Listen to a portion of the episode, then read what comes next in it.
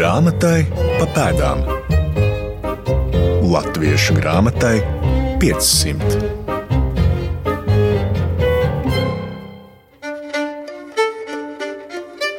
Lasīt pretēju nebija daudz, un tas, kas tāds labāks lasītājs, tas apsēdās ziemas vakarā pie skala un ņēma rokā grāmatu. Tā bija tāda kā vakarēšanas sastāvdaļa. Cilvēki mēdza stāstīt pasakas, pati visādus dažādus patiesus un izdomātus notikumus, un šajā visā procesā nu, jau ietilpā arī grāmatu lasīšana. Un eh, stāstu par Genovevu klausījās ļoti emocionāli. Daži raudāja tiešām tā kā jau eh, tulkotājs Lētāns to bija paredzējis, kāda piebalgas sieva esot trūkusies no krēsla augšā un kliegusi ja tas golo te man būtu priekšā, es ka ņemtu koku un dotu un neskatītos, kur. Esiet sveicināti redzījumā grāmatē pa pēdām. Mans vārds ir Māra Rozenberga, un nu pat jūs dzirdējāt, kā kādreizējā Latvijas Nacionālās bibliotēkas rokrakstu un reto grāmatu nodaļas galvenā bibliotekāra Lilija Līmane mūs ieveda latviešu zemnieku lasīšanas pasaulē 19. gadsimta vidū kad latviešu iznāca par laikmeta bestselleru uzskatītā grāmata Grāfa Lielmāte Genoveva. 2016. gadā par to stāstījām Latvijas radio ierakstu ciklā Grāmata Latvijā par godu Latvijas Nacionālās bibliotēkas jaunajai ekspozīcijai, kurā sava vieta ir arī grāmatai par Genovevu. Līlijas Līmanis toreizējais stāsts spilgti ilustrē lielo pārmaiņu latviešu lasītāju attiecībās ar grāmatām 19. gadsimta gaitā, grāmatu plauktos nonākot pirmajiem piedzīvojumu stāstiem un izdevumiem, ko vēlāk sāks saukt par lubu literatūru. Un tieši par to būs mūsu šodienas raidījums. Grāmatai pa pēdām. Pie 1845. gadā latviešu iznākušā grāfa Lielmātes Genevevas sentimentālā stāsta un tā panākumiem pie lasītājiem mēs vēl atgriezīsimies, bet pagrieziens piedzīvojuma literatūras virzienā latviešu valodā sākas jau pārdesmit gadu pirms tam ar grāmatu Robinsons Krūziņš. Tas gan nav tieši 18. gadsimta sākumā izdotā Daniela Defo pasaules slavenā romāna tulkojums. Proti, vidzemes luterāņu mācītājs Kristofs Reinholds Girgensons latvisko grāmatas pārstāstu, kuru vācu valodā ar nosaukumu Robinsons jaunākais sarakstījis Joachims Henriks Kampe un kas 18. gadsimta beigās jau iemantojas lielu popularitāti vāciskajā kultūrtelpā stāsta Latvijas Nacionālās bibliotēkas vadošais pētnieks Pauls Dāja. Bija jau šādi teksti arī agrāk. Bet varbūt iepriekš tie nebija pašā uzmanības priekšplānā ne autoriem, ne arī, ne arī lasītājiem. Nu, pēc dzimšanas atcelšanas bija jau izveidojies tāds šaurāks, elitārs lasītāju slānis. Latviešu sabiedrībā, ko dēvē par grāmatniekiem, Jānis Leitāns, vēlākais eh, Genovēvas tulkotājs, piederēja pie tiem. Un aizvien vairāk lasītas un pirktas tika grāmatas, kas ir nevis svarīgas, kas nevis sniedz nozīmīgas pamācības vai reliģisku pieredzi, bet kas vienkārši ir aizraujošas. Un, protams, Robinsons ir šāds eh, lūzuma punkts. Nu, man liekas, šī raidījuma klausītājiem nav jāstāsta, par ko ir Robinsona Krūzo sižets. Tas gan ir mazliet pārveidots atbilstoši apgaismības racionālisma garam, bet kas ir uh, svarīgi, ir tas, ka neviens īsti neticēja šīs grāmatas panākumiem. Izdevējs atlika tās publicēšanu par diviem desmitiem gadu. Jo domāju, ka latvieši nepirks un nelasīs šo grāmatu. Mēģināju pārliecināt tulkotāju Girgensonu, lai saīsina tekstu, lai izmet refleksijas un sarunas, lai pielāgo norises vietu Baltijas apstākļiem. Grāmatā Robinsons no Hamburgas dodas uz Angliju, tad jau pārstrādājams. Tad izdevēja iecerē bija, ka viņš varētu no vidzemes, no Rīgas doties kaut kur ceļā, un tulkotājs atteicās iet šo ceļu, un viņš tulkoja šo tekstu Nu, faktiski vārds vārdā. Daudz kas bija jāpaskaidro zemesvītras piezīmēs. Tur arī tāds populārs zinātnisks līmenis. Un pat tad, kad grāmata iznāca, bija tieši Baltijas vācu sabiedrībā ļoti spēcīga kritika laikbiedri īsti nesaprata. Pirmkārt, kāpēc Robinsons Krūzo ir jātulko latviešu lasītājiem. Tur bija pat tādas ciniskas bažas, ka varbūt gluži latviešu zemniekiem nevajadzētu lasīt par to, ka augstāko kārtu pārstāvis var izdzīvot pašu spēkiem bez kalpotāju palīdzības. Nu, viens no tiem, kas šos apsvērumus pilnīgi nopietni pauda, bija Garlības Merķelis, kas arī drusku citu vaipstu viņa sejā iezīmē. Tāpat arī šī nebija grāmata zemniekiem. Tas bija kaut kas cits, un likās, ka, un likās, ka Gigantsons ir pieļāvis kļūdu. Un kas notika? Grāmata iznāca tūkstoš eksemplāru metienā. Tūlīt jau pēc iznākšanas sekoja papildu metiens, septiņus gadus vēlāk atkal papildu metiens. Un, kā mēs tā laika grāmatniecībā redzam, bet īstenībā jau jebkurā laikā, ja ir šie papildu metieni, tas nozīmē, ka grāmata nes izdevējiem peļņu. Viena no visnenovērtētākajām grāmatām latviešu literatūras vēsturē. Šis laiks, 19. gadsimta sākums, ir pārmaiņu pilns. Tiek atcelta dzimtbūšana kurzemē un vidzemē. Un kā vērtē literatūras zinātnieks Benedikts Kalnečs, lasītāja publika 1825. gadā ir daudz gatavāka tādai grāmatai kā Robinsons Krūziņš nekā 20 gadus agrāk, kad Girgensons to iztulko. Pauls jau tikko ļoti interesanti iezīmē tādu fenomenu, kā parādās tajā laikā arī nu, sāk parādīties Veimāras klasikas, tulkojuma mēģinājumi, bet svārsts aiziet uz to, uz to populāro, un tas ir vēl viens apliecinājums, ka īsti literatūrā 19. gadsimtā nav tādas lineāras attīstības. Es pat drīzāk runātu par kādiem varbūt mezgla punktiem. Jo, piemēram, ja skatās, kā ir veidots un iecerēts Robinsons Krūzo, tas tomēr ir Daniela Defoe jau 18. gadsimtā tapušā romāna pārstrādājums, faktiski pielāgojums, nu, Johim Henrika Kamps, pielāgojums, kurā līdzās ir gan tie didaktiskie aspekti, gan arī tas stāsts un patiesībā tā tēva saruna ar bērniem, kas caurvīja šo romānu un, un visu laiku tiek runāts par rīcību, kā ir pareizi rīkoties vai netik pareizi rīkoties, tā didaktiskā puse jau nekur nav pazudusi. Un vēlāk mēs redzēsim, ka Leitāns jau tieši tāpat, vismaz priekšvārdos, viņš arī viens no tiem aspektiem, ko viņš pasaka, ir šī nepieciešamība joprojām, nu, teiksim, mācīt, pamācīt kam, protams, nāk klāt jau Genovēvas gadījumā ļoti izteikti šī emocionālā puse. Es pareizi saprotu no jums, ka tas pārstrādājums, ko veids autors Kampi, viņš pieliek to didaktismu vairāk klāt, ja nekā ir oriģinālajam. Romānam. Es domāju, ka tā mēs varētu teikt, jo Daniels Difo jau faktiski īsti nekomentē to, ko Robinsons dara. Mēs redzam caur šiem notikumiem un attiecībām to stāstu kas, protams, droši vien ir koloniāls stāsts kaut kādā ziņā par nokļūšanu uz neapdzīvotas salas.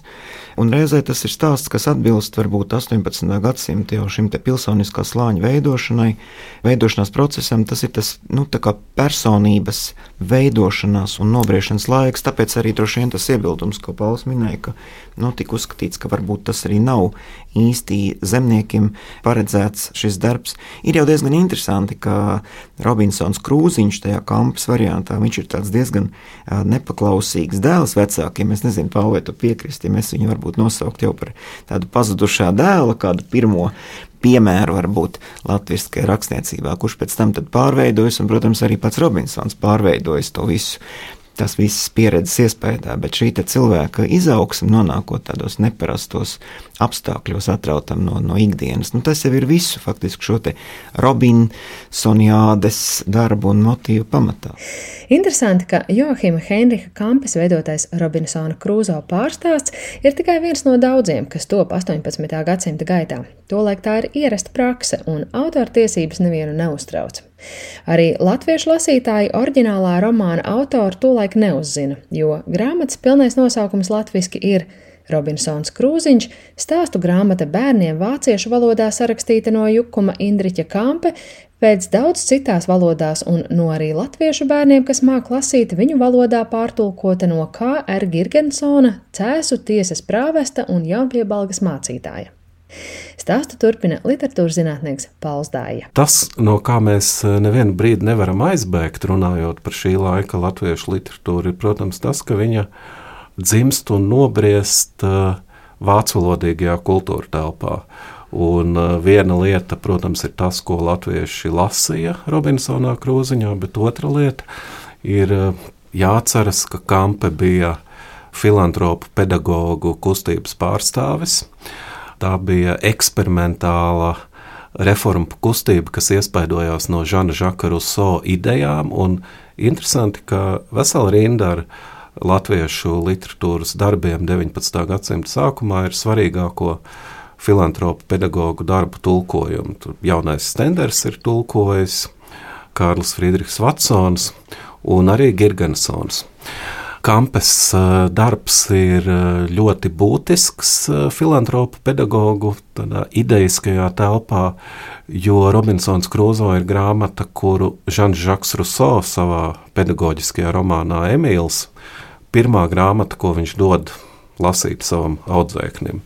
Un tad tā kā Ruso bija tik populārs Vācijā, tad tieši šīs epizodes dēļ arī Kampa izvēlējās Robinsonu pārstrādāt, jo viņam šķita, ka tas jau ir novecojis. Un jā, viņš padarīja tekstu daudz didaktiskāku. Viņš saglabāja šo dēkainības momentu, bet ievirzīja visu ļoti racionālā gultnē. Īstenībā cilvēks var mācīties, kā sakārtot savu dzīvi, ieviest dzīvē vācu vidusšķiras vērtības, punktualitāti, laika sadalīšanu pa stundām un tā tālāk. Var mācīties no šī kampas veiktā pārstrādājuma, līdz ar to arī Girgensona tulkojuma. Eh, bet jā, tā didaktika bija nepieciešama, es teiktu, kā izkārtne, lai lasītāji gluži nejustos tā, ka viņi pilnīgi veltīgi izšķiež savu laiku. Lasītāji pat pieprasīja didaktiku, bet nu, tas ļāva pa sētas durvīm ienākt jau literatūras izklaidējošai funkcijai. Man liekas, tas ļoti interesants process, un tas pamazām aizved līdz tam, kad jau 19. gadsimta vidū, otrajā pusē mēs lasām dēku romānus un eh, kriminālu stāstus jau pilnīgi, kas ir jau pilnīgi atbrīvojušies no šiem didaktiskajiem mērķiem. Bet kāda ir mācītāja Girgensona motivācija pavērt lasītājiem durvis uz šo piedzīvojumu pasauli? Tas taču novērš viņu uzmanību no garīgas atvaru literatūras, kas it kā varētu būt viņa prioritāte. Bet varbūt arī otrādi, ka ar piedzīvojumiem viņiem tiek eh, iemānīts arī šis didaktiskais saturs Un tā ziņā jau vācu literatūras kontekstā tiek runāts par grāmatām kā cukurotām tabletēm. Tā ārpusē ir cukurot un salda, un tad kopā ar šo saldumu norīja arī to tableti, kas būtu nu, šis literatūras pamācošais, racionālais kodols. Bet uh, Girgensons bija ļoti tālredzīgs. Īstenībā viņš mazliet bija priekšā saviem laika biedriem. Arī citās savās grāmatās, par kurām arī būtu interesanti runāt, bet mums nav tik daudz laika. Viņš mēģināja paplašināt eh, latviešu garīgo horizontu. Viņam interesēja mainīt eh, lasīšanas eh, estētisko pieredzi, tuvināt latviešu lasītājus tai literārajai pieredzē, ko pazina vidusšķira un augstākās kārtas. Un tas īstenībā ļoti revolucionāri bet arī tas, ko varētu saukt par tādu klusu revolūciju, jo laika biedri to pat nepamanīja. Viņi tiešām teica, ka Girgensons pats nesaprot, ko dara, viņam nav skaidra mērķa. Viņš nu, vienkārši bija stipri pa priekšu savam laikam. Ja? Man šķiet, ka jā. Atklājam tekstus! Ja lasāt vecajā drukā, Robinsonu krūziņu varat palasīt Latvijas Nacionālās bibliotēkas digitālajā bibliotekā, arī neizejot no mājas.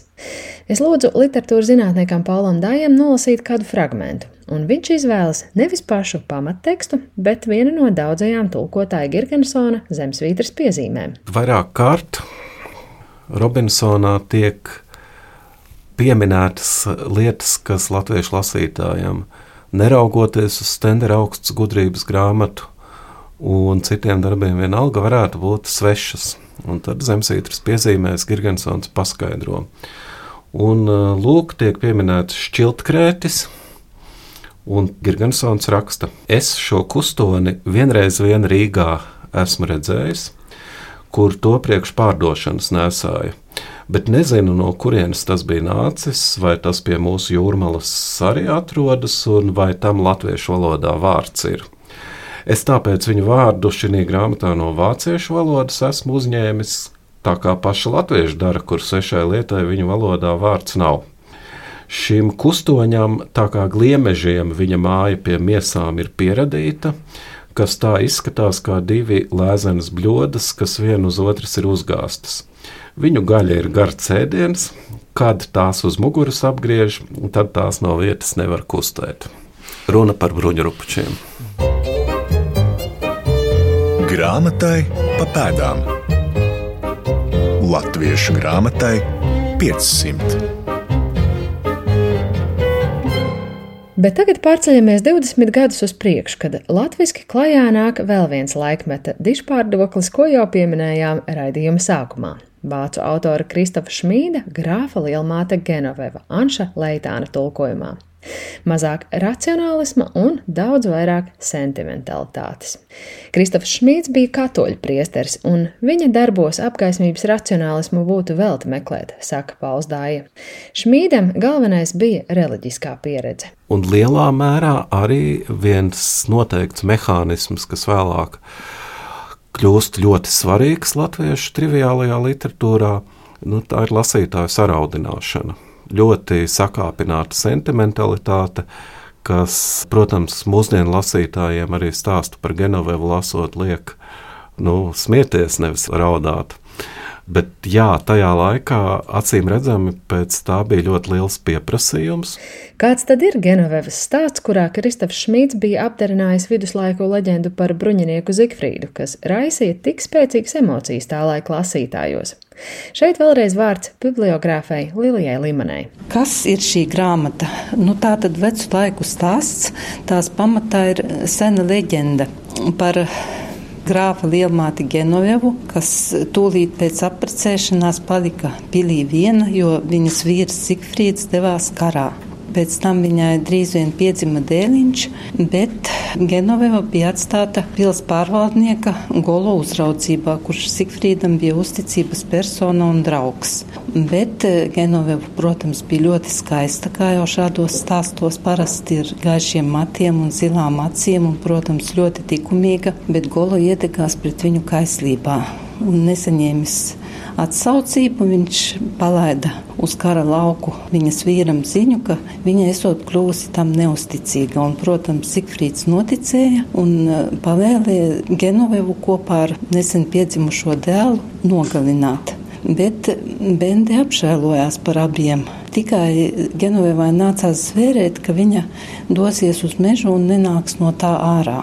Nu, un, protams, Genoveva šo Zvēres to arī pildīja.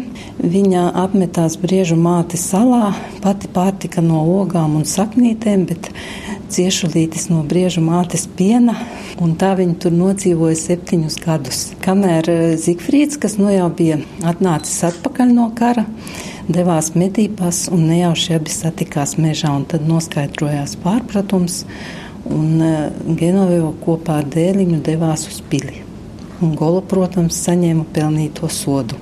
Vai jūs kādu nelielu fragment varētu arī nolasīt? Vilks atnes Genovevai siltu apģērbu. Tā dažus nevainīgus priegus baudot, bija Genovevā un ciešuļiem pētīga pievakara, pavasara un vasara aizgājušas. Rudens pienāca. Saule vairs nespīdēja tik silti, un tā jo dienas, jo vēlāk lēca un agrāk nogāja. Melni debeši caurām dienām apklāja tos zilu debesi, un no zemes vairs nekas jauns neizauga. Putnu mīlīgas dziesmas palika klusu, un tā lielākā daļa no šiem bija no tejienes projām aizgājusi. Gan drīz visas puķītes bija pazudušas no tās, kas vēl atradās, stāvēja novītušas, sakaltušas un bez skaistuma. Lapas no kokiem un krūmiem bija palikušas dzeltenas, un kas vēl pašas nebira, tās tas augstais, stiprais vējš nokratīja. Tā grūtu sirdi ļoti bēdādamies par to glādamu ziemu. Genoveva sēdēja alas priekšā un ar asaru pilnām acīm visu to rudens postu uzskatīja. Kad 1845. gadā šīs rindas nonāca pie latviešu lasītājiem, pārsvarā tās lasīja kolektīvi. Vakaros skalu gaismā saime sanāca kopā, un priekšā lasītāji lielākoties bija gados jaunie, uz kuru aizrautību ar grāmatām vēl nesen dažs vecāks bija skatījies ar nosodījumu. Tomēr just līdz Genovevai gribēja daudzi. Stāstu turpina literatūras zinātnieks Benedikts Kalnečs. Šīs grāmatas, par ko mēs runājam šodien, viņas droši vien trāpīja katra savā laikā, ļoti precīzi, varbūt arī pabīdot mazliet to ceļa stabiņu, mazliet uz priekšu. Tas bija nākamais solis, un patiešām par Genovevu jau var redzēt arī ļoti daudzu kultūras darbinieku atmiņās, kā šī grāmata tiek lasīta gan saimē, skaļi, nu, kas bija tā laika tas ļoti raksturīgais lasīšanas paņēmiens.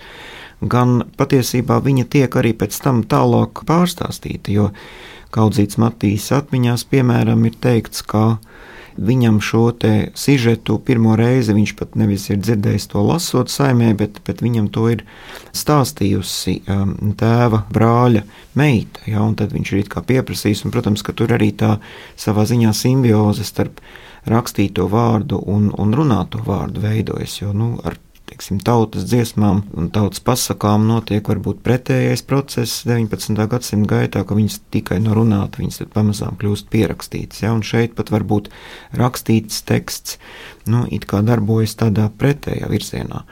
Un ja ņem vērā, ka Kristofs Šmits faktiski literārizēja, pierakstīja šo Genovēvas stāstu, bet tādu, kas bija jau arī vācu tā sauktajās tautas grāmatās pieejams, kas būtībā bija vairāk tāds, nu, teiksim, leģendas, mazāk varbūt literarizēts pieraksts. Ja?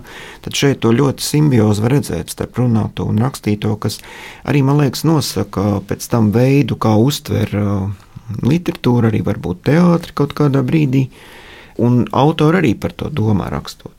Liela nozīme šīs grāmatas popularitātei bija gan iespēja uz brīdi patvērties citā pasaulē, gan vienlaikus arī identificēties ar darba varoņiem. Benedikts Kalnačs Genevevas ietekmi redz arī vēlākos 19. gadsimta darbos, ko jau sarakstījuši latviešu autori. Man liekas, ka, nu, ja mestu tiltiņu tālāk uz 19. gadsimta otro pusi, tad pa daļai tas tiek joprojām eksploatēts, piemēram, Māteru jūrā romāns Sadzīves viļņi, nu, kas ir tajā pašā gadā, kad brāļi Kaucītas mēneša laika 1879. Tur ļoti var redzēt šo sentimentālo tādā diezgan tiešā veidā joprojām klātesošu, bet vēlāk, tad, kad literatūra sāk mazliet vairāk, latviešu literatūra jau sāk mazliet vairāk, nu, varbūt kavēties kā pārdomās, un tas lasītājs kļūst arī varbūt jau prasīgāks, ja, tad parādās mazliet tas, ko Pauls teica par, nu, ka mēs arī mazliet smaidām par šādu veidu literatūru tas tiek apzināti izmantots, bet tas ir tāds ceļš, kas nu, visā 19. gadsimta garumā turpinās, un patiesībā Genovēvas popularitāte jau nezūd arī pat līdz, līdz gadsimta beigām. Viņi jau tiek arī dažādos, ne tikai šmīda versijā, bet arī dažādos citos īsākos pārstāstos tiražēt, bildēm parādoties. Jā, tā kā tas ir tiešām tāds ļoti, ļoti ejošs sižets. Pie Lūgas Geneveva vēlākos gados strādājis arī Rudolfs Blaumanis, par kuru Benedikts Kalničs sarakstījis monogrāfiju pavērsiens. Blaumanis savā lugā centies šmīda ļoti vienkāršos raksturus padarīt psiholoģiski sarežģītākus, tomēr lugu nav pabeidzis. Iesākto darbu šodien var lasīt vietnē Letonika LV. Ar to arī izskan raidījums grāmatai pa pēdām, kuru šoreiz veltījām piedzīvojumu un lubu literatūras pirmsākumiem 19. gadsimta latviešu grāmatniecībā. Raidījumu veidoja Māra Rozenberga. Paldies maniem sarunbiedriem Benediktam Kalnačam, Paulam Dājam un Lilijai Līvanai. Raidījuma padomdevēji Latvijas Nacionālā biblioteka un Latvijas Universitātes akadēmiskā biblioteka. Producente Santa Lauga par skaņu gādāja Valdis Raitums. Grāmatai pa pēdām. Latviešu grāmatai 500.